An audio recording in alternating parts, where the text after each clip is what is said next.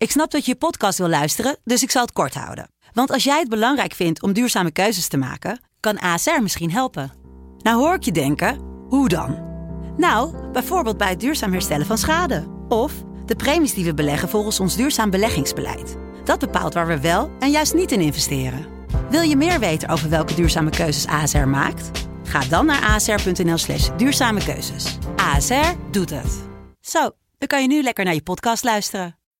Studio Socrates wordt mede mogelijk gemaakt door Unibed. Há muito tempo você está no meu caminho. Como posso esquecer?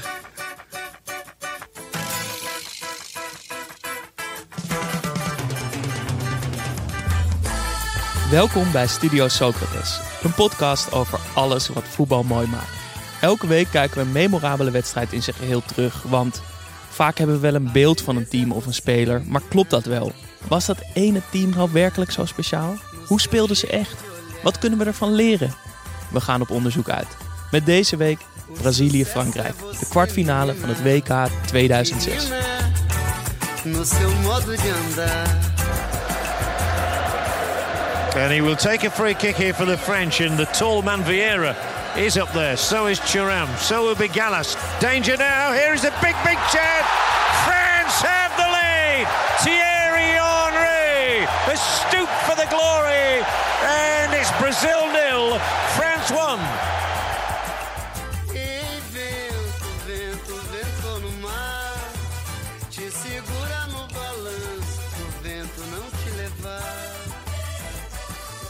Het compilatiefilmpje. Een groter genot is er bijna niet. Vroeger keek ik op zaterdagochtend, voor mijn wedstrijd, altijd compilatiefilmpjes van Slatan. Ter inspiratie. In de hoop dat iets van zijn brieën en of waanzin over zou slaan op mijn eigen geploeter die middag. Tegelijkertijd is het compilatiefilmpje ook een beproeving. Een gemengd genoegen, want bij topspelers weet je dat het wel enigszins klopt. Maar bij een nieuwe speler, je gaat toch altijd even checken, is het maar de vraag of je niet bedrogen uitkomt. Als je zo'n filmpje goed knipt, kan het heel wat lijken. Maar eenmaal op het veld. Het is een beetje als die mooie jongen of hete chick die je in de club hebt ontmoet. en de volgende ochtend zonder make-up of met zijn mond wijd open snurkend naast je ligt. Hit voor mis. Wie zal het zeggen? Van mij zou je echt een heerlijk compilatiefilmpje kunnen maken. Maar ik denk niet dat mijn oud-teamgenoten in mij de nieuwe Slatan zagen. Maar bij Zidane zal het wel kloppen. Toch? Is er ooit een compilatiefilmpje van jou gemaakt? Ja, ja dat was eh, echt wel vet. Eh, eh, ehm, ik was toen genomineerd voor beste speler van Amstelveen. Ik speelde bij een Amstelveense club. En dat was met een heus gala. En daar was ik voor genomineerd. eh, want ik had heel veel doelpunten gemaakt als linkshalf. En we waren kampioen geworden. Dus, nou ja. en toen waren we daar dus. En dan moesten we allemaal mooie kleren aan. En eh, in, in, ergens, ja, in, een, in een soort club of zo in Amstelveen. P60 Ik denk het wel, ja. waarschijnlijk. P60, ja. Eh, voor de echte kenners onder ons. En ehm, toen zag ik dus ineens eh, dat, wie de genomineerden waren voor Speler van het Jaar. En toen, ze waren, er was een website, Voetbal Amstelveen, zoiets heette het. Sport Amstelveen, ik weet het niet precies. En die, die hadden dus best wel vaak gefilmd, ook langs de lijn. Eh, en die hadden dus van alle genomineerden een filmpje gemaakt. Ja, dat was wel genieten hoor. Dan voel je je wel een grote speler. Toen voelde ik me lekker. Het was niet een super vet eh, compilatiefilmpje. Ik bedoel, eh, zo vaak waren ze er ook niet. Nee. Maar ehm, eh, dat voelde wel echt. Ja, toen voelde ik me wel. eh, ja, dichter bij prof ben ik nooit gekomen. ik had in mijn goede tijd als, eh, als voetballer had ik een zaakwaarnemer. Nee, echt? Ja, en die... ehm, Jongens, ik, ik raak steeds meer onder de indruk van jullie. Wat vet. Ja, een Zaakwaarnemer Was het Guido Albers? compilatiefilmpje? Nee, het, het was het kantoor wat nu Timber en zo doet. Het Forza, ja? Forza Sports Group. Ja, ja, vet. Ehm, maar die wilde mij wel slijten bij, eh, nou ja, bij profclubs. En mijn wedstrijden werden altijd gefilmd door RTV NH. Dus er was ook wel wat om uit te kiezen. En die hebben toen een, een compilatiefilmpje van mij gemaakt. Met ook echt zo muziek eronder. En met zo lengte 1,92. Eh, left or right footed, left footed. Gewoon zo allemaal.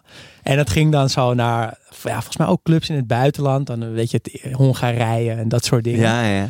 Eh, en dat stond dan op YouTube, maar dan wel achter zo'n muurtje. Dat je dus niet als je mij per ongeluk YouTube dat je dat dan te zien kreeg. Want dat vond ik wel echt een schande. Dat er zo'n compila echt compilatiefilmpje van jou Hoezo, gemaakt is. hoezo vond je dat schande? Nou, omdat dat is toch iets wat, ja, wat van die net niet spelers dan gaan maken om zichzelf in de markt te krijgen. Dat was toch ook precies het geval? Ja, maar dat wilde ik, ja, zeker, maar, dat, dat wilde ik niet aan de grote klok hangen. Maar is dat filmpje nu nog ergens te ik heb het dus wel eens gezocht, maar ik kon het niet meer vinden. Nee, Zonde. Ik Ja, zou heel graag jammer. willen... En jouw filmpje, ik vind het nu al jammer. Ja. Ik zou het ook niet weten. Ik, ik denk niet. Ik, ik, nee, ik, ik, volgens mij niet. Er staan nog wel heel veel samenvattingen van mij online. Gewoon van wedstrijden die ik gespeeld heb. Ja. Ik heb ook veel compilatiefilmpjes op YouTube. maar dat zijn meestal... Kookfilmpjes. Nee, Oh. dat is uh, waarschijnlijk... De meeste zijn dat ik jongens kus in mijn carrière als vangersacteur. Met hele dromerige muziek en een soort zo'n vaseline filter eroverheen. Wel, Dus die hoef je ook niet te googelen. nou, het is wel belangrijker geweest. Hoe Toch? bedoel je? Gewoon in het grote geheel. In Van- het grote geheel. Ja. Het heeft meer bijgedragen aan onze samenleving. Ja. Dat wel. Dat Kijk. hoop ik. Ja, dat Ehm, kunnen wij niet zeggen. We hebben het hier over compilatiefilmpjes, omdat de reden dat we deze wedstrijd hebben gekeken ga- eh, een compilatiefilmpje was. Want we kijken dus elke wedstrijd een, of elke week een wedstrijd in zich heel terug, om te kijken of het beeld dat wij van een team of een speler hebben wel echt klopt. En wij hebben een beeld van deze wedstrijd eigenlijk door een compilatiefilmpje van Zidane en puur Zidane's acties in één wedstrijd. Iedereen kent dat filmpje ook wel. Het is, duurt volgens mij een minuut. En Ja. het zijn, ja, ja echt, het is prachtig. Ja, Het lijkt wel of elke bal of elke actie eh, de, de mooiste van zijn carrière was. Ehm, alsof het op het scherpst van de snede gevoetbald wordt. Met een ontzettend hoog niveau. Kwartfinale, WK. Tegen andere grootmeesters. Tegen Ronaldinho, tegen Kaká, tegen Gilberto Silva. Noem maar op. Dus dat was de reden om te kijken. Nou, misschien dus eigenlijk wel bij uitstek deze wedstrijd. Om te checken in hoeverre zo'n compilatiefilmpje strookt met de werkelijkheid. ja we Daarom- gewoon heel veel zin in, toch? Daarom hebben we door de- deze compilatie, ja. Je hoort ik al iets doorschemeren in onze in, in, eh, in hoe die wedstrijd was. Ehm, maar daarom hebben we de hele wedstrijd Brazilië Frankrijk op het WK 2006 de kwartfinale teruggekeken. Daar gaan we het eh, nu over hebben en aan het eind van de uitzending stellen we onszelf drie vragen. Eén, wie of wat viel het meest op? Twee, welk beeld moeten we bijstellen? En drie, als je één ding zou mogen meenemen naar het nu, wat zou dat dan zijn? Yes. Maar eerst, ehm, wat maakt voetbal mooi? Elke week beginnen we daar toch ook even kort mee. Eh, en ja, deze week is dat eh, iets waar ik heel veel zin in heb. Namelijk vorige week was Ronaldo jarig. De El echte. Fenomeno, de echte. Eh, de goddelijke dikkerd. En op zijn verjaardag kondigde hij aan dat er een documentaire van hem in oktober uitkomt. Eh, en de trailer daarvan kwam online. En dat is wel, eh, ja, dat beloofde wel veel. Je ziet bijvoorbeeld de complete chaos en gekte op vliegvelden als hij bij zijn nieuwe clubs gepresenteerd werd. En daarover zegt hij dan dat hij nog steeds angst heeft voor vliegvelden. Eh, omdat het zo heftig en hectisch was. En daar zie je dan ook beelden van. En je hoort heel veel oud-spelers met wie hij gevoetbald heeft aan het woord over hoe goed hij wel niet was. En de trailer teest een beetje naar dat moment van WK 98. Eh, van ja, wat is er toen met Ronaldo gebeurd? Want die zou toen een epileptische aanval hebben gehad of iets anders. Of te veel druk, zenuwen, wat was het nou? En dat wordt ook wel op een vette manier gedaan. Dan, dan, zie je beelden van eh, de hotelkamer waar hij toen in Frankrijk sliep. Met Roberto Carlos op de kamer. En dan zitten Roberto Carlos en Ronaldo naast elkaar. En dan gaat Ronaldo zo naar Roberto Carlos toe praten van... Hey Roberto, eh, ja, wat gebeurde er nou in die hotelkamer? en dat is het einde. Dat is zo tease die eh, trailer de- naar de documentaire toe. Vet. Ehm, en Ronaldo twitterde er ook zelf, zelf over. Dat was wel mooi. Eh, hij, hij twitterde... Here's a little teaser featuring some friends... Remembering when I was the best player in the world. Heel vet. Geen Heerlijk. woord aan gelogen. Ja. Nee. En, en onbewust eigenlijk al een soort rode lijn door de afleveringen van dit seizoen. Ronaldo. We, hebben, hem- we ja. hebben hem gezien als echte oude dikkerd bij Real. In de wedstrijd tegen Barcelona. We hebben hem tegen, met Inter tegen Feyenoord gezien. En eh, dan nu weer Ja. met Brazilië tegen Alleen Frankrijk. de echt jonge Ronaldo mist nog. We, we, hebben, we zien hem eigenlijk steeds na zijn hoogtepunt. Ja, Ja. Misschien nog kijken of we een potje van PSV ergens ja eh, dat zou heel vet zijn. kunnen kijken. We gaan naar de wedstrijd. De wedstrijd die we gekeken hebben is Brazilië-Frankrijk van 1 juli 2006. Ja, en waarom, dat heb je eigenlijk al een beetje verteld. Het komt dus echt door dat ene compilatiefilmpje. eh, waarin Zidane op gouden kicks en met dat witte shirt losjes over zijn broek hangend. Eigenlijk de ene na de andere Braziliaan in de luren legt. Dat willen we zien. Want dat willen we gewoon 90 minuten lang aanschouwen. Eh, maar we willen ook onderzoeken of dit nou ja, het perfecte voorbeeld is van hoe zo'n compilatiefilmpje kan vertekenen. Ehm, of dat Zidane en die wedstrijd echt zo goed waren. Ja. Ja. en, en vaak in het kiezen van, deze, van de wedstrijden die we gaan kijken, houden we met meerdere dingen rekening. Want het is een beetje, vaak willen we wel één speler graag in zijn prime zien. Maar ja, om dan 90 minuten naar een beetje niet zeggende wedstrijd te kijken, is ook weer zoiets. maar deze wedstrijd heeft heel veel ingrediënten. Want hij heeft en dat compilatiefilmpje. En het is een knock-out ronde op een WK. Het zijn twee grootmachten met twee heerlijke teams op papier. Eh, Zou de luisteraar al nattig uitvoeren? ik denk het wel. Ehm, dus ja, genoeg ingrediënten, zou Ja. je zeggen, voor een waanzinnige wedstrijd. voor, een, voor een heerlijke pot. Waar, waar, waar hadden jullie het meest zin in? Waar keken jullie het meest naar uit? Ja, sowieso dus Zidane. En Ja. dat nam bij mij groteske vorm aan. Want eergisteren droomde ik opeens dat ik mijn comeback maakte bij AFC. ik stond gewoon opeens weer op het hoofdveld van AFC. En het was alsof ik als in de Matrix voetbalde. Want alles om me heen ging heel traag. Iedereen leverde de bal bij mij in. Ik strooide, nou ja, ik zette de ene naar de ander vrij voor de keeper. En toen keek ik naar mijn kiksen. Had ik die gouden Adidasjes aan van Zidane. Maar dit was nog voordat je de wedstrijd had Ja, maar wel dat we wisten dat we hem gingen kijken. En ik had dus zoveel zin in deze wedstrijd. Dat ik op een gegeven moment erover ging dromen. En ik weet nu hoe het is om je even, eventjes Zidane te Ja, voelen. wa- maar was je in je droom, was je jezelf nog of was je ook echt Zidane? Nee, ik was mezelf. Maar ik, had, ik zat wel... Ik verbaasde mezelf de hele tijd. Ik dacht, hé, hoe kan dit nou zo makkelijk gaan? ik voetbal hier toch gewoon op mijn niveau. Weet je wel, de tweede divisie tegen een goede tegenstander. Waarom heb ik steeds zoveel tijd? En waarom leg ik elke bal perfect weg? en toen zag ik dus dat ik die kiksen van Zidane aan had. En toen dacht ik, ah, ik ben gewoon Zidane even niet. Waar hadden jullie het meest zin in? Nou, ook wel Zidane waarschijnlijk. Ja, of iets 100%. anders. ja, Zidane. Zidane, eh, grotendeels, maar ook Ronaldinho. Kijk, eigenlijk alles eh, waar Ronaldinho in figureert, ben ik, eh, ben ik enthousiast over. Ehm, en dit was ook nog eens Ronaldinho in zijn prime. Dus ik ging er eigenlijk lekker voor zitten. Ik had eh, lekker zakje nibbits. Had ik, eh, en een biertje trok ik open. Interessante keuze van Nibbit. Ja, vond ik ook.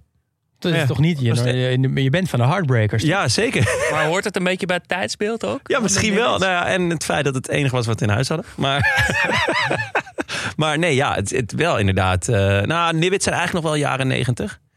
Eh, maar ja, in 2006 kon het nog wel. Kijk, nu moet je, moet je niet meer aankomen met Nibbits. Daar ben ik het helemaal mee eens.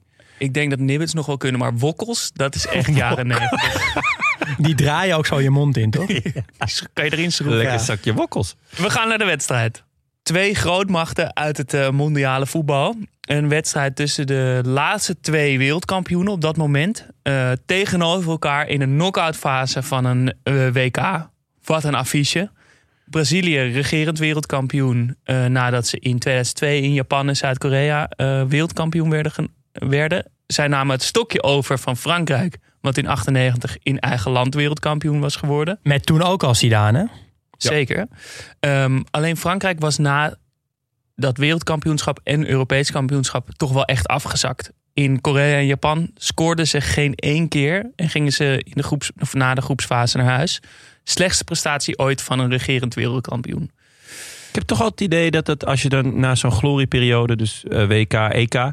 Later met, met Spanje gebeurde dat ook. Dat, dat, dat, ja, Ja, er dat- zitten er een paar jaren of een paar toernooien tussen Ja. dat het eventjes weg is allemaal. ja, gewoon en dat het ook echt rampzalig gaat. Ja. Zoals, zoals nou ja, bij Spanje en dan dit Frankrijk ook. Nederland had dat ook. Ja, eh, volgens mij Italië. Hè? Heeft het ook gehad? Ja, dat ook was zeker. Europees kampioen. Die hebben zich nu niet eens geplaatst. Dus wel herkenbaar. Maar dat heb je er natuurlijk voor over als je kampioen kan worden.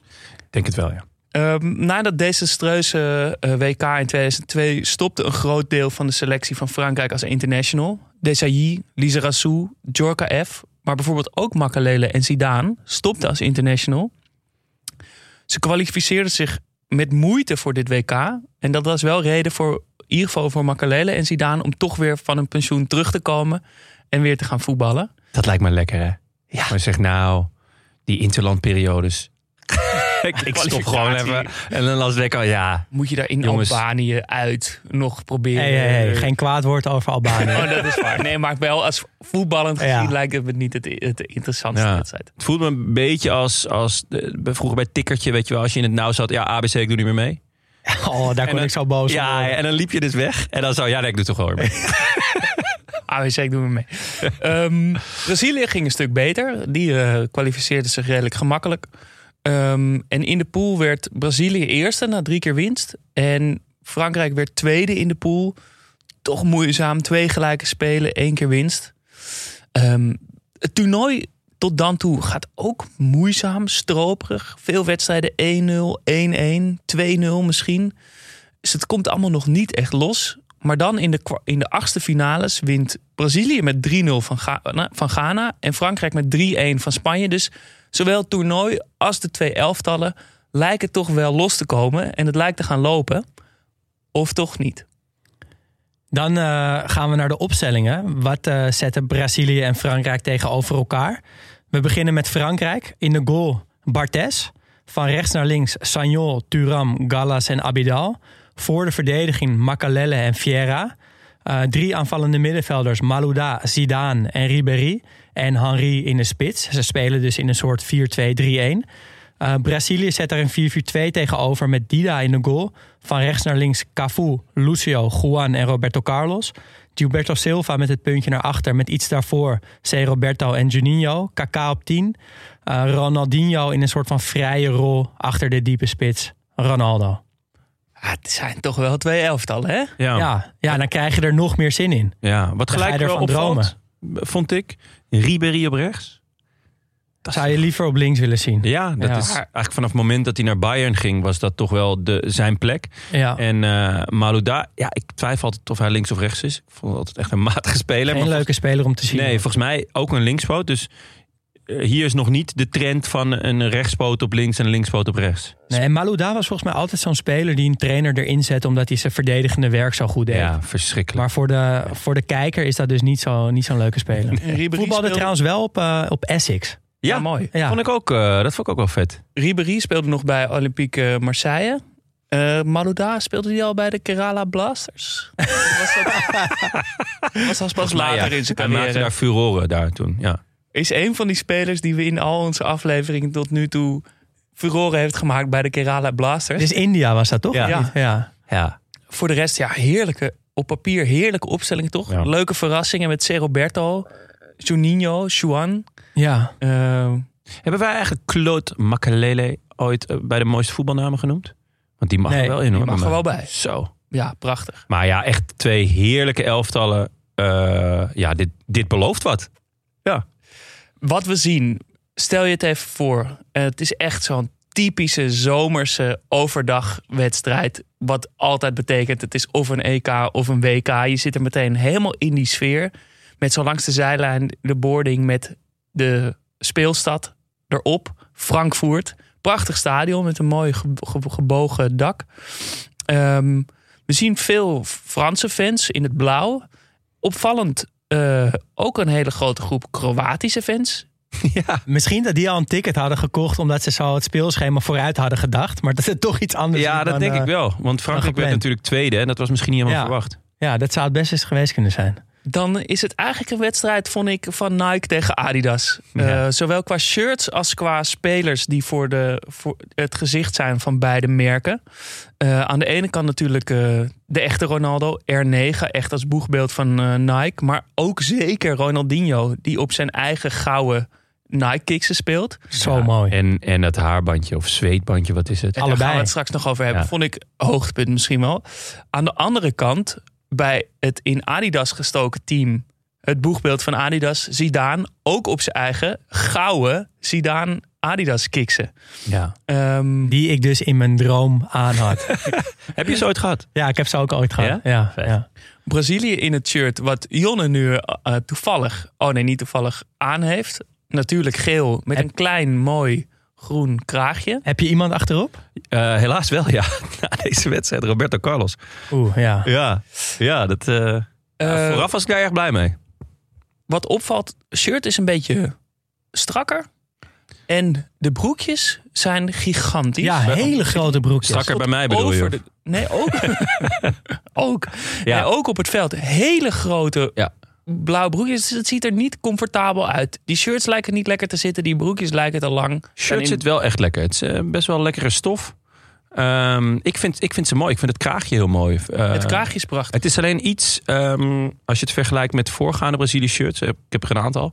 eh, het, het geel is minder fel. Het is wat okergeliger. Ja. Eh, maar dat op zich wel... Beetje wel zoals het Nederlands elftal shirt. Wat onlangs... ja, dat is meer goud. ja, ik, ik heb het, Het nog heeft niet... een leeuwenprint, hè?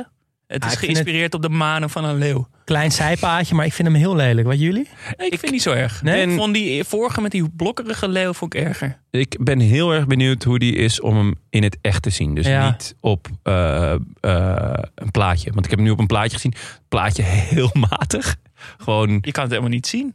nee, je kan het niet goed zien. En, en eh, ja, met een beetje rare... Ik vond de vormgeving ook niet, de presentatie ook niet mooi. Ik vind uitshirt echt een soort trainingsshirt. Ja, ik ben daar dus wel fan van. Ik vond het Ja? ook niet Ja. lelijk. nee. Ik, ik vond het niet lelijk, maar ik, het, er gaat ook niet, straalt niet heel veel van uit. Beetje Ehm, een template shirt, maar wel een goed template. Ja, vind ik. dus ik, ik ben heel erg benieuwd naar hoe het eruit ziet. Want volgens mij is er, ligt, zit er een lichte glans in. En dat zag je niet goed op het plaatje. Dus ik ben, ik ben gewoon heel erg benieuwd eh, als hij in de winkel hangt. We wijken af. Eh, Brazilië dus in, gewoon in het geel met blauwe broekjes, blauwe kousen. Frankrijk in het wit. Eh, met die soort gebogen lijnen langs de zijkant van het shirt. Een beetje in een soort achtje. Ja, de teamgeist is dit. Eh, ja. Ja. En die is ook eh, vorig seizoen geloof ik weer teruggekomen bij heel veel teams in hun trainingskleding. ik Eh, vind hem mooi hoor. Ik vind het stiekem ook heel vet. ja, en het zijn een beetje blauwe en rode gebogen lijnen. Ja, En hele mooie gestreepte cijfers. Ja. En grote letters op de rug. En allemaal in de kleuren van Frankrijk. Dus eh, rood en eh, blauw en het shirt zelf is wit. Maar je, dat, en dat komt ook weer terug in de, in de strepen van Adidas op, op, eh, op de schouders. En het ook in combinatie met het broekje, want het, de, daar lopen de lijnen ook door. Het is echt één geheel. Dus, dus het is heel duidelijk, ja, gewoon één echt over nagedacht. Ik vond heel vet. En het heeft ook de, ze spelen dus ook met de Adidas Teamgeist bal. Wit met soort zwarte achtjes erop. Met een Ja. gouden lijntje erin. Niet mijn lievelingsbal. Nee. Nee, ik vind hem wel mooi. Maar om mee te voetballen vond ik het echt een crime. Het was een soort stuiterbal, een beetje een ballon. Ja. Eh, het was echt ging zo'n alle- typische bal waar kritiek op is voorafgaande aan een WK. Dat die zwappert. Ja. Te licht. Ja, ja maar echt, eh, ik bedoel, met een Nike-bal kon je, kan je- kon je ook wel zwabberen. Of dat gebeurde ook wel. Maar die was wat zwaarder, waardoor, het, waardoor je wel veel meer controle had. Vond ik sowieso fijn als een bal wat zwaarder was. De wedstrijd lijkt door de kwaliteit van het beeld en door de hele ambiance eigenlijk helemaal niet zo lang geleden. Het voelt vrij modern aan. Maar als je dan naar de spelers en de schoenen en zo kijkt, dan voelt het toch opeens weer, juist weer een eeuwigheid geleden. Ik kon mijn vinger er niet helemaal op leggen nou hoe lang het nou geleden was. Voor mij voelde het echt als gisteren. Maar Door ik- de, ja, door, door de ambiance en ook door de graphics en zo. Eh, ze- en eh, misschien ook met vorige week. Wat echt als een eeuwigheid voelde. Dus eh ja, Real vorige Ajax. week. Ja. Ehm, maar de spelers voelden ook nog niet zo heel lang geleden. Nee, maar de meeste zijn toch wel echt of net of toch al een paar jaar gestopt. Of overleden. Nee. Heel oud. Nee, nee. Ik vond het. ik vond, ja, had jij dat? Maar ik dacht, Ik vond het eh, eigenlijk ook wel voelen als, als hedendaags voetbal. Totdat ze gingen voetballen. Maar daar gaan we het eh, straks over hebben. Maar ik dacht, oh, waar was ik toen ik dit keek? Toen zat ik volgens mij gewoon nog op de middelbare school. Voelde het toch wel lang geleden. Ja. Ja, het is ook gewoon 14 jaar geleden. Ehm, de wedstrijd dan. Eh, hij staat in zijn geheel op YouTube. eh, op het YouTube-kanaal van de FIFA. Eh, lekker, want dan is de kwaliteit gewoon goed. En de stream start op het moment dat ze handjes geven op het veld. Ehm, het mooiste moment is als Zidane en Ronaldo elkaar tegenkomen. En daar krijg je ook nog een mooie herhaling van. Enige omhelzing. Grote glimlach bij Ronaldo. Kusje van Zidane? Ja, heel mooi om te zien. Die kennen elkaar natuurlijk van, eh, van Real. Ehm, daarna gaan, ze, gaan de twee teams gemixt op de foto met een hele grote banner waar Say No to Racism op staat. Ehm, vond ik ook leuk om te zien. Het was een, iets nieuws. Het was nog niet eerder voorgekomen. En eh, Abidal en Juninho komen elkaar daar ook tegen. Die kennen elkaar natuurlijk van Lyon. En toen dacht ik ook weer, ja, oh ja, tuurlijk, dat is zo vet eigenlijk aan die EK's en WK's. Dat je een heel seizoen met je maatje voetbal bij je club. Uh, maar dat je opeens in een heel ander team terechtkomt en opeens tegen elkaar moet gaan voetballen. Ik vond het een mooie, dat kwam opeens daar heel erg naar boven toe dat ik dat een mooie besef vond. Ehm, en die foto, ik heb hem ook even teruggekeken, staat straks ook op in onze Instagram. Gewoon heel vet om te zien. Als ze zo gemixt eh, door elkaar staan, die twee selecties. Ja, en om eerlijk te zijn, door die banner eh voelde het ook minder lang geleden. Ja. Dat, dat, eh, ja, ik, heb ook, ik had het idee dat dat nog niet zo heel lang eh, eh, zo- zo'n slogan was. Say no to racism. Ehm, Nee, nou, Maar- racismo. ja, ja, Die- ja, dat met- filmpje. Ja, ja, die inderdaad. Dat zijn allemaal al die grote spelers dat zeggen. Daardoor voelde het ook gewoon wel dichtbij of zo. Dan eh, begint de wedstrijd bijna, maar niet voordat de tos is geweest. eh, tussen Cafu en Zidane. En dit was wel het moment dat ik echt heel veel zin in die wedstrijd kreeg. Want dat zag er gewoon top uit. Met Zidane op die gouden schoenen dus. En Cafu ook op hele interessante schoenen. Die had die Lotto kiksen zonder veters. Wat op een gegeven moment een soort van hype werd. Kiksen zonder veters. Die, ja, die, ik, ik, teamgenoten hadden die was. Daar kom je gewoon bijna niet in. Die hadden echt een schoenlepel bij zich naar elke training. Om daarin te komen. Ehm, maar ik kreeg ook opeens heel veel zin in het WK wat eraan komt. Hadden jullie dat ook toen je dit zag? Of, of, of zijn jullie daar nog niet met jullie hoofd? Ehm, ja, wel al een beetje. Ehm, ik, ben, ik ben gewoon heel erg benieuwd. Eh nou ja, Jasper, jij begon net met eh, een zomerse wedstrijd overdag. Dat kan maar één ding betekenen: een EK of een WK. Ik ben heel benieuwd of dat gevoel nu ook gaat komen. Ik, eh, ik weet van mezelf dat ik in september altijd een beetje ja, een beetje melancholisch ben. Omdat ik, ja, ik had nooit zoveel zin om weer terug te gaan naar school. En dat, dat gevoel is nooit weggegaan. Dat associeer ik altijd met september. En dan, ja, oktober, november wordt het toch allemaal wel wat donkerder. Ik ben heel benieuwd. Eh, met het WK heb ik toch altijd ja, die hele chille vibes. Dat niemand iets hoeft. En hey, eh, zullen we anders gewoon de wedstrijd van kwart voor twaalf ook al met z'n allen kijken. En dan een biertje optrekken. Ik ben heel benieuwd of mensen in die modus kunnen komen. Dit zijn toch wel Het wordt een uitdaging. ja, dit zijn toch wel de hardwerkmaanden, eh, toch? Ja, precies wat jij zegt, Jon. Ik kreeg vooral van deze wedstrijd heel veel zin in een gewoon WK. en Ja. niet een winters Qatar WK. Ehm, maar desalniettemin, het gaat wel leven. Nu zeker omdat nog nou, de laatste twee wedstrijden van het Nederlands elftal zijn net geweest. Het team krijgt vorm. Het ziet er goed uit. Ehm, ja, ik heb er toch wel zin in. Ik ga vrijnemen. Ik ga elke wedstrijd kijken. dus ja, ik heb er zin in. We, gaan, oké, er, we gaan er wat van maken. Dus ik kan jullie wel gewoon bellen om gewoon om kwart voor twaalf al te kijken en dan een biertje op. En zeker met bier ook. Om die donkere wintermaanden Lekker. weg te drinken. Dan begint de wedstrijd en die eh, begint goed. Want na 35 seconden, gewoon letterlijk na 35 seconden... krijgt Zidane de bal en die draait tussen Juninho en C. Roberto weg... en schaart hem daarnaast, daarna langs Gilberto Silva. Ehm, en normaal gesproken, ja, als je even terug verwijst naar dat compilatiefilmpje... stopt daar het beeld. Maar nu zien we wat daarna komt. En dat is eigenlijk een, Heel scare paas. ja, echt een mislukte steekpaas op Henri die meters buiten spel loopt. Uh, en ik dacht, ja, oké. Okay, uh, was dit dus de Zidane waar we allemaal naar uitkijken? Of, nou, ja. ik zat er eigenlijk juist wel rechtop. Want het was na 35 seconden. Hij krijgt de bal tussen die twee spelers in. Houdt hem even onder zijn voet. Draait naar achteren weg. Schaart hem eigenlijk de verkeerde kant op. Met zijn been naar de speler toe. En gaat dan weer buitenom. Um, de, en ja, dat hij daarna een foute paas gaf voelde ik op dat moment nog geen nattigheid. Ik dacht, zo, dit belooft wat voor de rest van de wedstrijd. Ik vond eh, de schaar die Zidane deed... Ik bedoel, je hebt een schaar en een schaar. Ik vond de schaar altijd echt, echt een gare beweging. Maar zoals hij hem hier uitvoert... dat kon op deze manier, dat kon eigenlijk alleen maar hij. De, dus een beetje zo voorover gebogen, een beetje hoekig. Uh, langzaam, maar toch met een versnelling. Uh, dat was wel echt uh, precies zoals ik me Zidane herinner. Die steekbal, not so much. Dan um, in de vierde en vijfde minuut weer iets waar je als kijker op hoopt. Namelijk dat Brazilië vrije trappen krijgt op gevaarlijke posities. Want Juninho Pernambucano staat in het veld. Um, de eerste in de vierde minuut die kan rechtstreeks. De andere is net te ver en wordt een voorzet. Uh, ja, we moeten wel eerlijk zijn. De vrije trap belandt in de muur. Maar toch zie je die fantastische traptechniek van Juninho. Uh, en ik zat er zo naar te kijken en ik dacht, ja, wat maakt die trap nou zo mooi? En ik werd er heel rustig van op een of andere manier. En dat heb ik ook bij gewoon hele goede muziek of een goed kunstwerk of zo. Dat je eventjes soort van weggetrokken wordt uit de realiteit en opeens een deken van rust op je valt. En dat had ik toen Juninho achter die bal ging staan. En dan maakte het resultaat dus ook niet zo eens zo heel veel uit. Ehm, ik werd er heel rustig van. En dat, dat vond ik heel prettig om mee te maken. Dat dat niet iets is wat, ja, wat ik verzonnen had of zo. Dat was nog steeds zo. Nou, dat vind ik wel grappig. Ik, ik heb precies tegenovergestelde. Ik, eh, ik vind Juninho zijn trap altijd heel frustrerend. Eh, Ja? Maar ja, goed, dat, dat kan kunst ook met je doen, hè? Eh, dat Zeker, je ja. Nee, ik heb, ehm, ik heb zoveel uur gespendeerd om die trap te analyseren en te bedenken hoe het moest en te proberen. Ehm, nou, we hebben het al wel eens over Van Hooydonk gehad. Ja, dat heb, heb, heb ik gewoon wel eh, ook allemaal bestuurd hoe hij dat deed en eh, de stand van zijn been. En, op een gegeven moment lukte dat wel. Het was niet mijn trap. Ik bedoel, hij lukte ook heel vaak niet.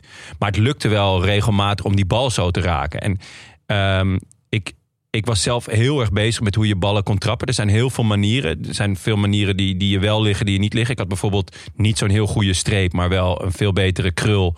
Eh, dus kon, ja, daarin kon ik heel erg variëren. Dat vond ik ook echt heel erg leuk. Daar oefen ik ook heel veel op. Maar dit lukte gewoon niet. Die zwabberbal, hoe die hem raakt, dat snelle dalen.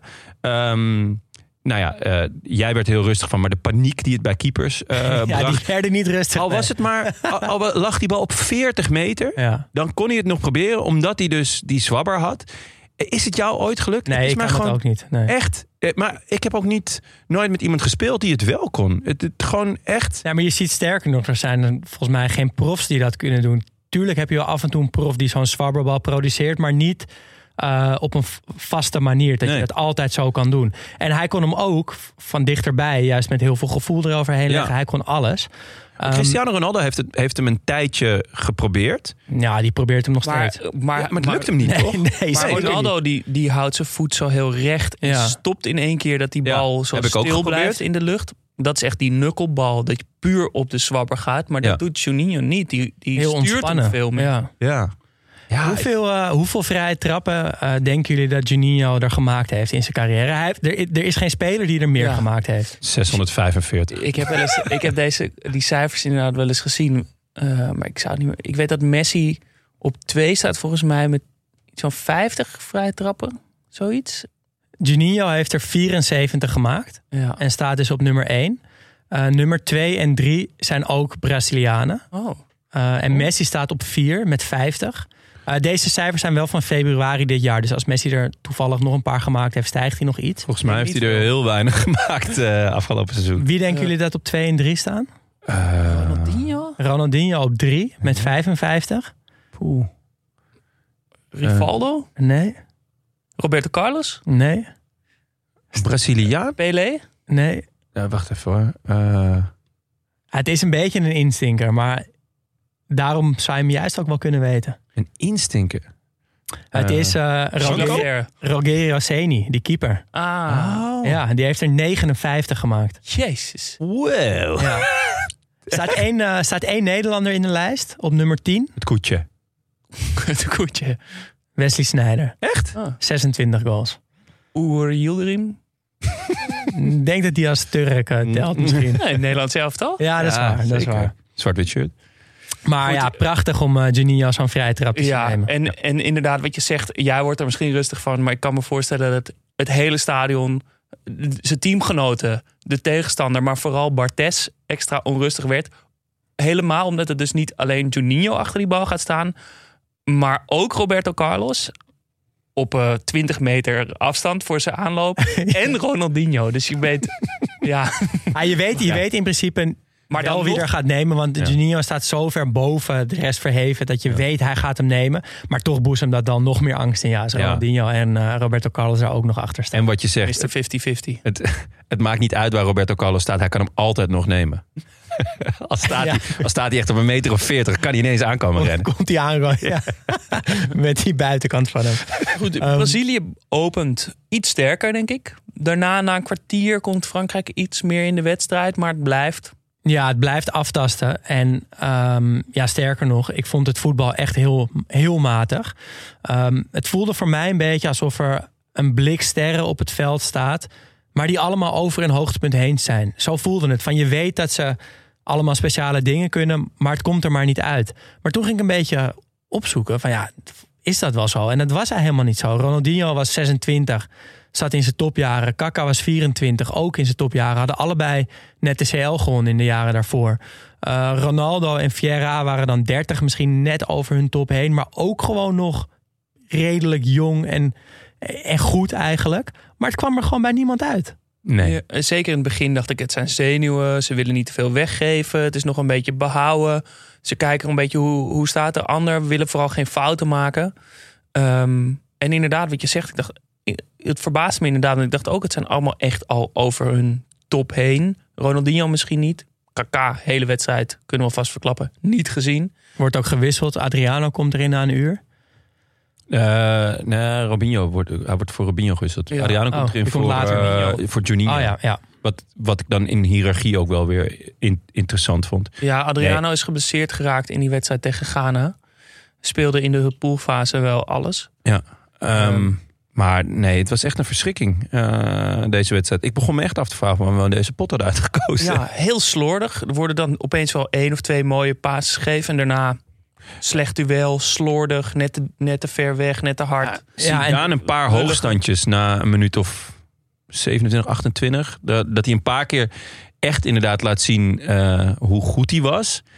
Maar ja, dat is in een compilatiefilmpje dan heel, heel mooi en heel treffend. Het was ook, vond ik, veel op plekken op het veld die er niet toe deden. Dus Klopt, een beetje zo rond de middenlijn. ja, dus ehm, en dan ook eh, vaak eigenlijk dat hij de eh, actie naar achter doet in plaats van naar voren. Dus eh, het is meer een, een, een verdedigende actie die wel mooi wordt uitgevoerd, omdat het met de bal is en over een speler heen of technisch schitterend. Maar er komt ook eigenlijk geen enkele kans uit, toch? Nee, Nee. we zien ze allebei nauwelijks voor de goal komen. Nee. Nee, De en commentator ja, die, raakt ook een beetje verveeld. die hebben het ook door dat er niet zoveel gebeurt. Dus die beginnen op een gegeven moment eerst maar over het weer. Die- dus die zeggen, nou jongens, het is, het is echt schitterend weer. Wat een mooie dag in Frankfurt. dat was ook wel echt zo, maar toch. Ja. En dan beginnen ze over Gilberto Silva, die schijnbaar een waanzinnige mandolinespeler is. Dat is een snaarinstrument dat in de 17e eeuw in Italië bedacht is. En ik dacht, nou ja, als dit, als dit echt waar is, dan is het heel vet. Als ze het verzonnen hebben, is het eigenlijk wel nog vetter. Om maar gewoon ergens over te kletsen. Maar het bleek wel echt waar te zijn. En Ja? er zijn ook filmpjes op YouTube te vinden dat eh Gilberto Silva best wel lang geïnterviewd wordt. En dat op een gegeven moment die interviewer dan vraagt: hey, eh, jij bent toch goed in mandoline spelen? Doe eens wat. en dat hij dan echt heerlijk zal lekker zitten, zitten spelen. Eh, ik vond ook een hele mooie foto. Die zullen we op Instagram zetten. Eh, maar dat is een beetje de vibe van de wedstrijd. Dieptepunt ook wordt op een gegeven moment dat de commentator zegt... wat vliegen er veel vliegtuigen over? En dan, en dan is er een shot van Ronaldo dat hij omhoog kijkt. En dan zegt hij... Oh, Ronaldo ziet ook de vele vliegtuigen die overvliegen. Nou, dan weet je echt dat er weinig dat gebeurt. is wel goed. Ik vond die commentator wel prettig. Ja. Ik vond hem goed. Hij was eh, wel heel erg eh, idolaat van Brazilië. Dus eh, eigenlijk vanaf het moment dat, eh, dat, dat de wedstrijd begint... is het van Brazilië voor, Brazilië na. En hij vindt het allemaal wonderbaarlijk. Brazilië heeft pas één keer in een, eh, in een echte wedstrijd van Frankrijk gewonnen. En dat vindt hij echt absurd. En eigenlijk iedereen van Brazilië die aan de bal komt... die noemt hij een legend. Zijn het ook allemaal. Gewoon die eerste minuut paast iemand, de ene Braziliaan naar de andere. Yes, another legend. Vond ik wel echt goed. Maar dan eh, eh, komt de camera, filmt Pereira, de coach van Brazilië. En de commentator wijst ons dan ook op zijn assistent, Zagallo. En zegt dan, one of the greatest names in World Cup history. Nou, ooit van gehoord? Ja, Zagallo? ja. Ja, ik- Mario Zagallo, als ik me niet vergis. Eh, En ja, herken- Mario Zagallo. Ik herkende hem ook, maar ik zou het verhaal achter hem niet weten. Dus ik ben wel benieuwd. Ehm, ja, de commentator liegt inderdaad niet. Want het is echt een van de meest succesvolle WK-gangers ooit. Eh, van Libanese afkomst, maar zijn hele leven voor Brazilië uitgekomen en in Brazilië gespeeld. Ehm, hij won als speler voor het Braziliaanse elftal het WK twee keer in 58 en 62. Daarna, ja, hij speelde en hij was coach van een heleboel Braziliaanse clubs. Dus als je op Wikipedia naar zijn carrière, naar dat blokje kijkt van dat spelerspaspoort, zijn het allemaal Braziliaanse vlaggetjes. Wel twintig, met twee uitzonderingen of zo. Botafogo, Fluminense, Flamengo, Vasco da Gama. Trainen die allemaal over verschillende periodes. Maar was ook meerdere periodes bondscoach van Brazilië. Eh, hij werd als bondscoach in 1970 wereldkampioen. En in 1997 won hij ook nog eens de Copa America en de Confederation- Confederations Cup. Wat hem tot een van de meest succesvolle bondscoaches ooit maakt. En daarnaast was hij ook nog eens assistent meerdere periodes van het Braziliaanse elftal. En won hij in 1994 nog eens het WK met Jezus. Brazilië. Dat maakt hem de enige speler die, of de enige persoon die zowel als speler, assistent, coach en coach het WK wist te winnen. Wauw. Eh, Dus ja, het is een van de greatest names in World Cup history. Maar hoe was hij ook goed op de mandolin? Dat ga je je nu wel afvragen. Ja, maar wel gek toch dat, dat iemand, dat zo'n grote naam dan ook eh, gewoon assistent is. Of is dat, is, is dat een beetje zo die, die nou, ik zat, mentor? toen Jasper dit aan het vertellen was, dacht ik... misschien is het eigenlijk wel het lekkerste. Gewoon assistent zijn van een succesvol elftal. Want dan heb je niet die druk en niet soort van die hele dagelijkse beslommeringen met de pers en zo. Maar ben je er wel altijd bij. Ja. Vinden, de spelers je waarschijnlijk wel een vette gast. Dan kan je een beetje zo individueel... Hey, eh, Ronaldinho, als je nou ietsje terugzakt of zo... is toch misschien wel de Ja. lekkerste rol die er is. Ja, het lijkt mij heerlijk. Zeker ook eh, om, om dan bij een nationaal team hoef je ook niet zo heel veel te Nee. werken. En gewoon eh, ja, lekker wedstrijdjes bezoeken. Heerlijk. Ik Af en toe zie, bellen met Ronaldinho. ik zie Van Gaal toch niet assistent worden. Nee, Nee, dat, Als dat is Koeman onmogelijk. straks coach wordt weer. Dus Koeman Nee. met Van Gaal als assistent. Nee, dat is Ja, dat lijkt me onmogelijk. echt goed. Goed, eh, het is rust. Ja, ehm, Gelukkig. Eindelijk. We hebben ons door de eerste helft heen gesleept. We appten elkaar ook, tenminste Jasper en ik appten elkaar van... eh, eh, heb, je, heb je de wedstrijd al gekeken? Want ik wilde heel veel polsen of Ja. Jasper hetzelfde voelde als ik. En we waren er echt over eens. Die eerste helft was echt verschrikkelijk. Ja. Eh, en we hoopten op een betere tweede helft. Brazilië geen schot op goal gehad de eerste helft. Nee, nee, en misschien het hoogtepunt is nog wel dat in de rust Robinho echt als een kleinkind rennend op Zidane afkomt om hem gedag te zeggen. Ja. Eh, ja, echt alsof Hij hij, vliegt hem in de armen. alsof hij verliefd op hem is of, of misschien zijn grote held of zo. Ah, dat is wel echt leuk. En na afloop doet hij dat nog een keer, terwijl hij net heeft verloren. Ehm, Dus dat, dat, ja, dat zegt genoeg dat dat het allerleukste Ja. was van de eerste Ja, ik heb eh, hem op een gegeven moment even op pauze gezet. Ik ook. Ik ben eh, even een andere wedstrijd gaan kijken. Nederland-Polen. Ja. Ik heb even pauze gezet, even wat gedronken, even een soort van... eh, Water over je gezicht. Jij even klaarmaken voor de tweede ja, helft. daar gaan we. shotjes Jager. Ik ging wel met goede helft weer. Begon Goeie ik moed? wel weer. Jawel. jawel. Ja. Eh, Ja, en de tweede helft begon ook leuker wel. ja, ik ging Ehm, er meteen wel voor zitten. Eindelijk wat kantjes en wat gevaar voor beide goals. Uh, Henri kopt bijvoorbeeld over na, na een goede vrijtrap van Zidane. Ronaldinho bemoeit zich wat meer met de wedstrijd. Er is nog een afgekeurde goal van Henri. Wat ook wel echt 2, 3 meter buiten spel is. Geen twijfel over mogelijk. Uh, en dan valt de goal 0-1 Henri naar weer een vrije trap voor Frankrijk. Zidane neemt hem ver aan de linkerkant. Uh, veel te ver ook om een goal te schieten. Dus je weet, dit wordt een voorzet. En Henri legt hem eigenlijk met heel veel effect. Heel stijlvol bij de tweede paal. Waar Henri hem soort van zwevend Ja, hoog in de goal uh, schiet. Ja, Zidane legt hem... Ja, sorry. eh, En Henri uh, ja. maakt hem af. Ja, hij, is indraaiend en hij komt bij de tweede paal uit. Ja. Daar staat Henri vogelvrij. Prima, Inderdaad, wat je zegt, prachtig afgemaakt in het dak van het goal. Ja. prima vrije trap. Eh, niks mis mee. Maar jongens, wat de fuck doet Brazilië? Het is een gevaarlijke indraaiende vrije trap. Als je gewoon kijkt, ze staan met heel veel man aanvankelijk wel op de 16 meterlijn. Maar er staan er heel veel eh, soort van een beetje schuin achter het muurtje. Er staan er iets van vier. En dan besluit Roberto Carlos ook nog eens niet mee te lopen. Dus er blijven vijf man staan. Alsof ze ja, ook niet echt stappen, maar Nee, het is geen buitenspelval. Nee. En eh, nou, er lopen vijf Fransen in en er lopen drie Brazilianen mee.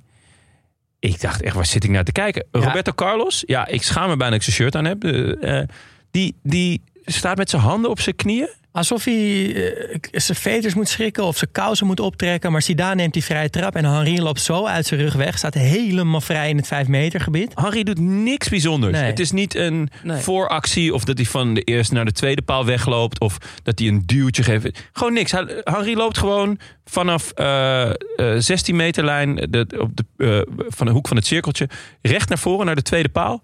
En hoeft hem daar eigenlijk alleen maar... Ja, schiet hem mooi in. Zeker. Maar ik, ik zweer je, Ja, het als was ik, eh, schrikbarend was het. het was Om echt te zien met hoe Brazilië dit verdedigde. En je ziet ook een soort eh, opluchting bij de commentator. Want De Ja. andere kwartfinales zijn ook in penalties met 0-0 of 1-1 of zo geëindigd. Die zegt gelukkig, er wordt eindelijk gescoord.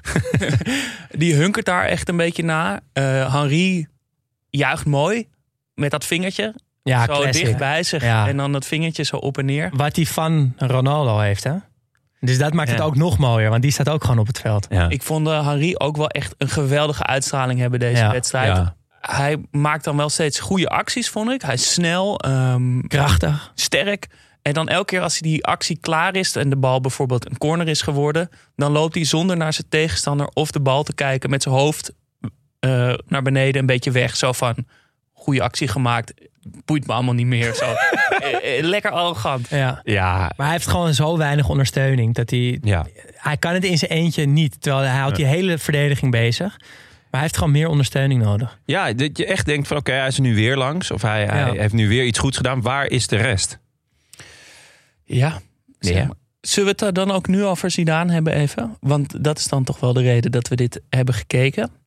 Ehm, nou, wat we van tevoren in de intro zeiden en wat we de vergelijking die we vaak hebben gemaakt, die deels gebaseerd is op dat compilatiefilmpje, is dat Zidane kon voetballen alsof hij in de Matrix zat. Dat komt uit een voorbeeld van een documentaire over Magnus Carlsen, de schaker waar we het ook vaak hebben gehad, omdat het een groot voetballiefhebber is.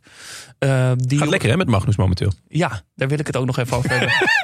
Eh, maar Magnus kan schaken. eh, die kon gewoon dat, een partij schaken. En op een gegeven moment er helemaal zo in te komen dat hij puur op een soort intuïtie nog heel makkelijk die stukken wegzette. En zo kon Zidane ook dat veld, dat, die, dat spel ontstijgen. Ehm, was dat zo? Was het de Matrix? Was hij net als Carlson? Nee, Ja. voor mij niet. In deze wedstrijd niet. Nee. Nee, absoluut niet. Hij, Nee. hij was niet, echt niet zo goed als dat compilatiefilmpje doet vermoeden. Want als je die kijkt, dan denk je... hé, hey, de Matrix. Deze man domineerde dat hele middenveld. Maar dat was niet zo. Dit waren echt al zijn goede momenten. Mooi achter minuut. elkaar geplakt. Uh, en het ziet er wel natuurlijk echt stijlvol uit. Maar het was ni- niet zo dat hij uh, het, het spel oversteeg. Want hij steekt die bal vaak naar Henri. Maar die zijn, gaan allemaal eroverheen. Ja, Te hard of gewoon te scheef. Of, eh, nou ja, wat ik net ook al zei, dat, dat zijn acties waren wel mooi aan zich, maar leverden niks op. En waren bovendien eh, of naar achter of op een plek op het veld die er gewoon echt niet toe deed. Ehm, ja, ik, nee, het was niet. eh, er was geen sprake van een matrix of van een. het was geen uh, Carlsen dit keer. Nee, En dat, daar wilde ik het nog wel even zeggen hoe vet ik dat vond. Dat, ja, hij, hij is nu in opspraak, want Carlson heeft tegen een andere schaker gespeeld die verdacht wordt van vals spelen. Ja. En Carlson onderbreekt de partij na één zet. na één zet, gaat weg en post vervolgens op YouTube of op Twitter een filmpje van YouTube waarin Mourinho zegt: If I say anything, I will be in trouble. Wat toch het mooiste antwoord Ja. is wat je kan geven. En het rare is dat die jongen is al twee keer eh, gepakt op vals spelen. En eh, het gerucht was nu dat hij vals speelde Ja. middels Zeg het maar. seintjes via een buttplug. Ah, ik vind wel, als het waar is, dan ben je wel dedicated hoor. Dan mag het. Als je, ik vind, als je überhaupt een fatsoenlijke podcast schaken met een buttplug in je reet, vind ik al echt. Maar ik zat, dus, ik zat dus echt een beetje te denken... Oké, nou, s- heel Hoe dan? sick. Ja, Ja. hoe dan? Is het dan bijvoorbeeld als je dan vijf trillingjes krijgt... dat het gaat om het paard bijvoorbeeld... en dan voel je een trillingje links of zo... dan moet je eentje naar links en dan weer omhoog. En dan, Nee, hoe werkt ik het? denk- En hoe kan je een pokerface houden? Ah, ik denk- ik denk dat, ze, dat denk- het niet in het voetbal kan. Nee, ik, ik denk eerder gewoon, het, het, het, het heeft allemaal nummers. Dus eh, dat je eerst het, de, de, het, het, het cijfer en daarna Ja, ja, ja. eh, het, het, het nummer, eh, ja, het, de Ja, letter. dus D6 naar... Ja, en deze. En dan, ik denk ik, dat het moet haast wel. Want anders, ja, anders moet je elk trillingje onthouden welk, welk, paar, welke Ja. paard is en welke... Ja, maar dat is in principe Maar wel wa- wat schakers doen, toch? Een soort van alles Wacht in even, hoofd als het- En, Als het Z4 naar K5 is, dan krijg je dus ja, dat kan eh, al niet. iets van 50 trilletjes. je gaat zitten tellen. Misschien Zou het bij penalties kunnen voor een keeper dat je in je buttplug doorkrijgt welke hoek? Eén keer trillen is naar links, twee keer trillen is naar rechts. Dat zou wel goed zijn hoor. Dat, Ja, dat- zou echt goed zijn. Ik denk dat eh, Stefan Posma dat heerlijk zou vinden. Die keeper van ADO. Eh, Oké, we dwalen af. We dwalen af, ja. Ehm, nou goed, het staat zou het aan de 1-0. wedstrijd liggen? Ja, ja, het staat 1-0. Brazilië gaat op zoek naar de gelijkmaker. Adriano komt erin. Mijn grote held. Ik was heel blij dat hij niet teruggeblesseerd was. Maar dus eh, nog van de bank kon komen. Mr. 99. Ehm, en ik moet jullie iets bekennen. Vertel. Ik ben in slaap gevallen. ik heb de rest van de wedstrijd niet meer gezien. ik trok het niet meer. Ik, en ik, ik had Eh. echt geen zin om nog vanmorgen die laatste 20 minuten te kijken. Nou, ik heb een vergelijkbaar verhaal. Ik Oh. zat hem dus eh gisteren te kijken. Zit ik dan hier? Netjes die wedstrijd te kijken. Hey, we moeten er oh. eerlijk over zijn. Kijk, Nee, als het een slechte wedstrijd is, is Nee. het een Nee, slechte klopt. Maar wedstrijd. ik, ik, ik, ik, niet helemaal vergelijkbaar. Als in, ehm, ik eh, had hem eerst even gepauzeerd om naar eh, eh, Nederland-Polen te kijken. Ik had nog een half uurtje te gaan. En toen was het al wel een beetje laat. En Emma zei, ja, kom, gaan gewoon lekker naar bed. Die, die wedstrijd kan je morgen nog wel kijken. Dacht ik, oké, ja. Ik, Zit wat in. ja, zit wat in. Ik, wat zit ik hier eigenlijk te ploeteren? En ik naar bed. Maar ik kom niet altijd even makkelijk in slaap. Dus eh, nou, ik had al gelezen. Ik had na een uur was Ik voel hem aankomen. was ik ook wel klaar met dat boek. en om eh, kwart over twee denk ik, "Pff, ik moet er morgen weer vroeg uit. En ik kan daarna niet heel makkelijk weer naar bed. Dus eh, ik moet die kinderen wegbrengen, weet ik veel wat. En ik denk kwart over twee, weet je wat? Ik pak gewoon nog even die wedstrijd erbij. en ik even op bankie. En ik zet hem aan en binnen 10 minuutjes. Ligt papier te snurken hoor. Ah, niet te snurken, maar ik merkte zo langzaam dat ik een beetje loom werd. En zo die, na, na 20 minuutjes. En ik heb hem echt nog net uit kunnen kijken. Toen hop naar bed. Heerlijk geslapen. Schaapje stellen is, eh, is spannender. Ja, ja dat had ik al geprobeerd. Ik had al eh, geprobeerd eh, van eh, 1000 eh, terug naar nul. Nou ja, goed, dat, eh, dat heb ik gehaald. Ja, en, dan, en dan heb je het dus ook nog over het laatste gedeelte van de wedstrijd. Hè, wat dan Ja. zogenaamd nog Ja. Vlammend zou moeten zijn omdat Brazilië moet scoren. Nou, Maar vertel Maar- het ons, Daan. Ja, Gebeurde nou ja, dat nog? Er lijkt op een gegeven moment een heel klein beetje sprake van een slotoffensief. Ehm, maar dat was het niet. Want in de 91ste minuut, dus in de blessuretijd, volgt het eerste schot op goal van Brazilië. En dat is een schot van Ronaldo van 25 meter, die Bartes eigenlijk makkelijk kan pakken, ja, maar wegstomt. omdat hij of zo. nep is. Ja, en er is nog een gevaarlijk moment met een vrije trap op randje 16 die Ronaldinho ja, knalhard in de lange kruising wil schieten, gaat net over. Dat zijn de momenten. Dat is wat het slotoffensief van Brazilië uiteindelijk oplevert. In de counter is Frankrijk eigenlijk veel gevaarlijker. Uh, en die wedstrijd eindigt met 1-0 voor Frankrijk. En dat is het. En, een als kijker uh, blijf je verbrouwereerd achter eigenlijk. Ja. Ja, Ro- Robinho komt er nog in. Ja, Die doet eigenlijk precies wat hij altijd in compilatiefilms doet. Gewoon Ja. heel veel scharen. ja en lopjes. En lopjes. Ja, dat ik ook dacht, oké. Eh, Maar- gek. Ja, Ja. de conclusie. Ja, of tenminste, is dit dan een, een argument voor of tegen het compilatiefilmpje? Dit is een argument tegen. Want je zou kunnen zeggen, het compilatiefilmpje is beter, want dan hoef je niet zo'n wedstrijd te kijken. Kijk nou maar gewoon lekker compilatiefilmpjes, want dat is veel leuker. Of kijk het niet, want het vertekent de werkelijkheid. Ja, ik, ik vind dit een argument tegen, omdat, het, omdat je daardoor iets gaat romantiseren wat, wat helemaal niet heeft bestaan. Dus eigenlijk hou je jezelf een beetje voor de gek. Maar er zijn ook genoeg eh, compilatiefilmpjes van Slatan. eh die wel eh, de werkelijkheid eer aan doen. Maar uiteindelijk is het wel een, een sterk geromantiseerd beeld van, van, eh, van een speler of ehm, Ja, maar wat het, wat, wat het bij deze zo, zo heftig maakt, is dat het gaat over één wedstrijd. Ja. Kijk, normaal gaat een compilatiefilmpje over jaren van een bepaalde speler. Ehm, ja, dan, dan kan je al iemand zijn mooie momenten pakken en dan komt er dan een heel romantisch beeld uit. Maar bij één wedstrijd had ik verwacht van, ja, dat kan bijna niet. Een soort van in één wedstrijd een beeld construeren van een speler. eh, wat, niet, wat gewoon echt niet klopt. En dat was nu dus wel zo. Ja, ja dat, is, dat, dat is wel knap. ergens ook. Maar ja, we moeten die makers. ja, nee, ja, goed. Het is, het is echt wel een, een kwestie van goed knippen en plakken. En een lekker nummertje eronder. Maar eh, ik vind dit niet... Een, eh, dit, is, dit is uiteindelijk geen reclame voor, voor het compilatiefilmpje. nee. En toch... En toch ga ik, als er Ajax nieuwe speler heeft gehaald... ga ik toch al het compilatiefilmpje kijken. En dat- 100.000 En dan denk ik altijd wel... Oké, je moet er niet intrappen. Maar Ja. En dan heb je daarna, altijd dan heb je daarna je vrienden. Ja, er komt nu een speler naar ons toe, jongens. Die is zo goed. ja... Ja, maar als je Ja. iemand drie keer met een omhaal ziet scoren, dan zegt dat toch ook wel iets. Ja, nee. Want eh, een kapotte klok heeft ook twee keer per dag gelijk, hè?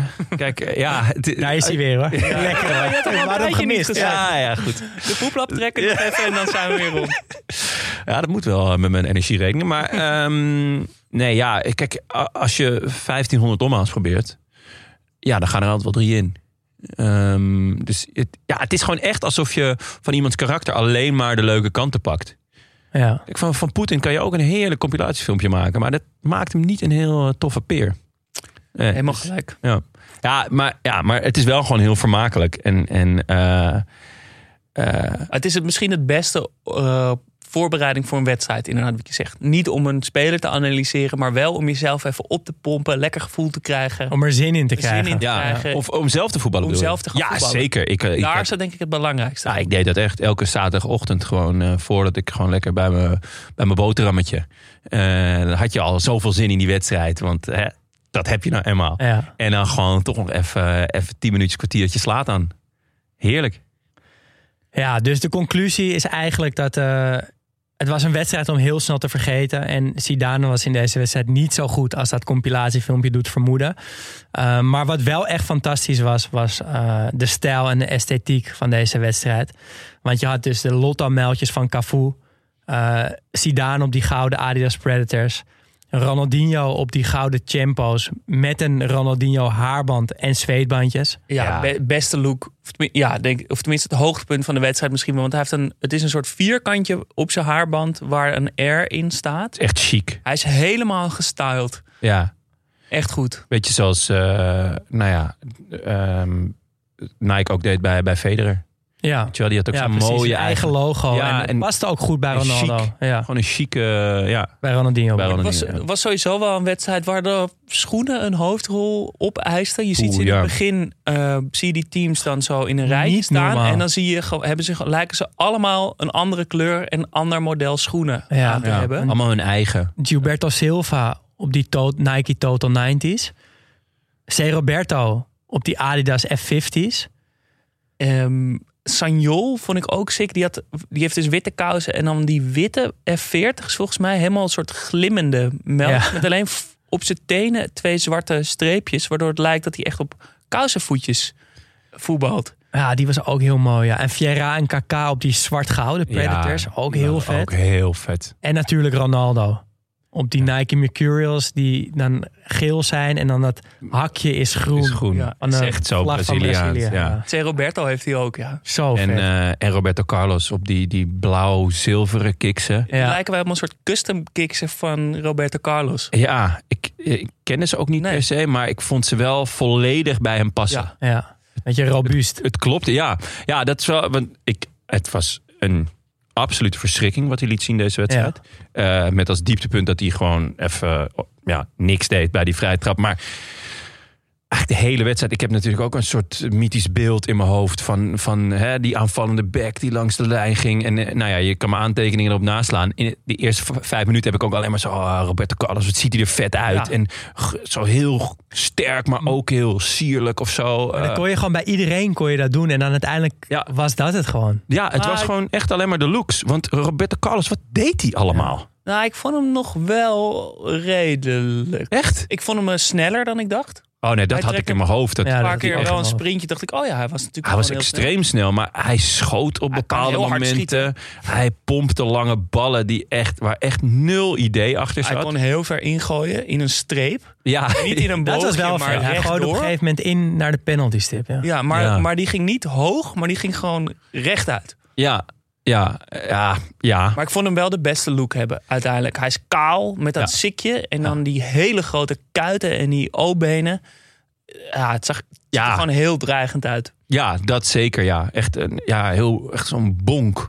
Eh, maar toch ook sierlijk. Ik vond het, ja, soms kan zo'n zo'n bonkenspeler heel lelijk zijn, maar dat vond ik niet. Ik vond het echt heel mooi eruit zien. Alleen, eh, hij speelde een gedrocht van een wedstrijd. Maar ja, goed, Dat- jij, jij was wel. je- Ik, ja, het- jij bent meer man Dat- van de looks natuurlijk. Nou, ik heb hem ook nog wel wat dingen zien doen dat ik wel aardig vond. Vond niet zo slecht, maar ja, uiteindelijk was iedereen... Ja, ja, Ja, nee. niemand stak er echt bovenuit. Nee. Dat brengt ons eh, bij de vragen. Wie of wat viel het meest op? Ah, ik heb hem gewoon leeg gehouden. Ah, daar, Ja. kan ik, ja, daar kan ik op zich wel bij aansluiten. Want het, eh, het gebrek aan idee. Ja. Dus dat is misschien ook wel een soort van leegte. Ja, ik, ik had slordigheid opgeschreven. Ja. Ja, Ja, nee, ja. zoveel ballen in het niks. ja, ik vond vooral gewoon dat er echt geen idee zat. Achter beide ploegen niet. Nee. Van, eh, het was gewoon, ja, we, we geven de bal zo snel mogelijk aan, eh, aan een van onze goede spelers. En die, die, die lost het wel op. Ja, en dan, en dan verder heel veel man achter de bal houden voor de zekerheid. Ja, bij Frankrijk was het eh, Zidane en Henri. En bij eh, eh, Brazilië Ronaldinho en, eh, en Ronaldo. Ja, Ja, ja, heel matig. heel matig. Vraag 2. Welk beeld moeten we bijstellen? Ehm, ja, voor mij wel echt dat dit Zidane's beste wedstrijd ooit was. Want met dat idee ging, ik- ging ik echt deze wedstrijd in. Eh, maar dat is voor mij wel ontkracht. Ja, voor mij is dat, dat een wedstrijd, zelfs een wedstrijd met absolute wereldsterren, dus die ook gewoon de geschiedenis in zijn gegaan als, als eh, een van de beste, die hier tegen elkaar spelen, dat het geen garantie is voor een, voor een leuke wedstrijd. Ja, ik zou ook verder willen gaan. Inderdaad, dat het niet alleen Zidane's beste wedstrijd ooit was, maar dat gewoon dat dit een mooie wedstrijd was. Dat moeten we bijstellen. Ja. Vraag 3. Als je één ding zou mee mogen nemen naar het nu, wat zou dat dan zijn? Ja, ik, eh, die, die player marketing van Nike voor Ronaldinho. Dus dat een speler eigen kick, zijn eigen zweetbandje, eigen haarbandje heeft. Eh, maar ik zat ook wel meteen te denken, je begeeft je wel op glad ijs dan. Want dit kan echt maar bij weinig spelers. Eh, bij Ronaldinho kon het, bij Ronaldo kon het, bij Zidane ook wel op zich. Bij Willy Sagnol niet. Nee, en bij heel veel, nee, ja, nee, precies. En ook als ik denk aan het nu. eh, Mbappé heeft dan een soort van eigen kiksen. Maar daar denk ik al van: nee, man, jij bent het gewoon echt nog niet waard. Neymar, hetzelfde verhaal. Ja. Maar ik hoop dat er ooit weer iemand opstaat die dat helemaal oont. En bij wie het gewoon perfect past. Is er niemand nu die dat zou kunnen? Ehm, nee, ik denk het eigenlijk niet. Iemand, Grealish? nee. Ja, die heeft van, wel- van, eh, Van van Gucci. Louis Vuitton. Ja, Ja, was het. gewoon wel het is zeg Gucci maar, een speler met, met een beetje brani. En te, ik bedoel, je hoeft, het is wel fijn als iemand heel goed is, maar je kan ook met, met attitude kom je er ook een, kom je er ook een eind. Zeker. Ja, En maar Ronaldinho had, had, al- had die attitude van, van blijheid, van vrijheid, van creativiteit. En daar kun je natuurlijk echt iets omheen bouwen. Ja. Maar Grealish, die heeft gewoon een uitstraling van Jersey Shore, zeg maar. Ja, dat is ook vet. Maar om daar nou een heel Nike-lijn omheen Ja, te ik zou niet een Nike-lijn, maar een, eh, ja, een Gucci-lijn of een... eh, Haaland. Met een soort eh, zweetband met hoorns en eh, een bijl. en dan hele grote wollen schoenen. Dus zoiets. me heel vet. Echt als Ja, een viking als helemaal Thor. branden. Ja, Of als een robot. met een bliksemschicht. ja, Ja, dat zou nog kunnen. ja. En jij, eh, Jonne, wat zou je mee willen nemen? Eh, ja, eigenlijk het enige positief hier aan het compilatiefilmpje. Mooi. Nou, die blijft ook tot in een eeuwigheid bestaan. Ik zou zeggen, de schaar van Zidane vond ik misschien wel het mooiste. Maar toen twijfelde ik eigenlijk. En toen dacht ik misschien wel het loopje van Lucio als hij opstormt. Oh ja. Ja, als, een paard naar Ja, voren. zijn bijnaam is het paard. En hij draaft echt. Zijn- Zijn nek verdwijnt helemaal. En hij gaat snel en hij hobbelt een beetje. Maar hij neemt enorme passen. Dat vond ik misschien wel het mooiste van, van de wedstrijd. En dat zegt genoeg. Ja, dekt wel de lading. Nou, hopelijk volgende week een betere wedstrijd. Laten we een wedstrijd van Ronaldo bij PSV kijken. Mm, we gaan nog even overleggen. Even intern overleggen wat het gaat worden. Dat laten we weten, maar we willen in ieder geval zeker weten dat het 90 minuten lang genieten is. Dat hebben we wel verdiend. Wat ook genieten is, voordat we afsluiten, is paling. Ha mannen, Paling hier. Je hadden vorige week een aflevering over het Ajax van 1995. Een periode waarin je als tienjarig jongetje het maar normaal vond dat je favoriete club Europese top was. De intro van Jonne en vooral het stukje over de val en het dieptepunt tegen Salzburg heeft me wel geraakt. Ik was plots terug zelf tien jaar en zag Anderlecht Europese finale spelen tegen Sampdoria. KV Mechelen had even ervoor de Europabeker 2 gewonnen en ploegen als Club Luik konden probleemloos overwinteren. Maar voor ons Belgische voetbalfans was de val nog spectaculairder en onze dalen waren diep. Ik weet niet of jullie nog weten wanneer het Nederlands voetbal is beginnen slabakken en de kloof met de grote vijf ontstaan is. Voor het Belgisch voetbal kunnen we dat exacte moment pinpointen. Dat was 8 december 1993, de rust van Werder Bremen, Anderlecht. Veel vroeger dan het Nederlands voetbal dus. Het jaar ervoor presteerde Brugge nog top in de Champions League. Op de laatste speeldag moesten ze thuis van Marseille winnen om de finale te halen. Het was namelijk toen nog gewoon twee poules en de winnaars speelden de finale. Maar Marseille won in Brugge en het zou later ook de finale winnen. Seizoen erop was het dan een hè, seizoen 93-94. En het was de tweede wedstrijd van de Champions League poelen en we spelen heerlijk voetbal en komen in de eerste helft op Bremen 0-3 voor met goals van Danny Boffin tweemaal en Philippe Albert. En dan de rust. Tijdens die rust hebben de voetbalgoden beslist Oké, Belgisch voetbal. Nu is het even gedaan met jullie. Vanaf hier gaat het naar beneden en we spelen een desastreuze tweede helft en verliezen 5-3. Een echt voetbaltrauma. Het gaat vanaf dan van kwaad naar erger. We worden dat jaar vierde in de poelen en het jaar erop bijvoorbeeld komt Anderlecht in een Champions League poelen terecht met, hou vast, Benfica, Steaua Boekarest en Hajduk Split en worden we nog hopeloos laatste. Maar bon, voetbaltrauma's horen erbij en je geniet des te meer van topoverwinningen als je ook diepe dalen hebt gekend. Bij deze ook een verzoekje om ooit eens een special te maken over voetbaltrauma's. Want ze horen er ontegensprekelijk bij en die emotie maakt voetbal ooit mooi. Ja, Top idee, de voetbaltrauma's. ja heel Goeie goed special idee. een keer. Ja, zeker. En mi- misschien zit er zelfs wel een serie in, aangezien... Ja, eh, ik neem aan dat, we, dat er wel meerdere zijn. Eh, en eh, Ik denk dat het ook persoonlijk is voor veel Ja. mensen. ja, het ligt ook aan natuurlijk eh, welke periode. Eh, ja, ik heb er wel een paar. Weer een hele goeie van Paling. Misschien een soort mini-seizoen. Ja, leuk. Dankjewel mannen. Rest ons te zeggen, geef ons 5 sterren op Spotify, Podimo, Apple of waar je ook luistert. Dat helpt ons enorm. En word vriend van de show vanaf 2,50 euro per maand. En Help mij mijn eh, energierekening betalen. Die is eventjes, eh, nou ja, verdubbeld. eh, iedereen moet een energierekening volgens... Nou goed, Ja, oké. maar toch vriend van de show worden. gewoon doen. Studio Socrates wordt mede mogelijk gemaakt door Dag en Nacht Media. Wil je meepraten? Dat kan. Laat een bericht achter op vriendvandeshow.nl slash Studio Socrates of via Instagram studio-socrates. Mailen kan trouwens ook. Ons e-mailadres is studiosocratespodcast.gmail.com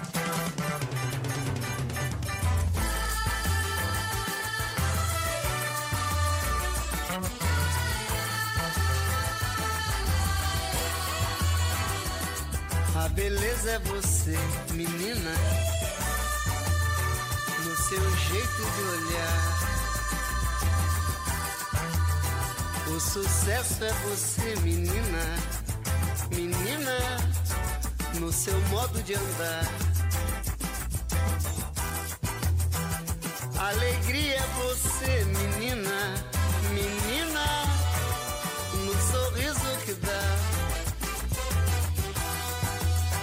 Vendaval por amor, menina, menina, todos querem te amar. Ei, vento, vento, vento no mar, te segura no balanço, pro vento não te levar. Ei, vento, vento, vento no mar, te segura no balanço, pro vento não te levar. Ei, vento, vento, vento no mar, te segura no balanço, pro vento não te levar.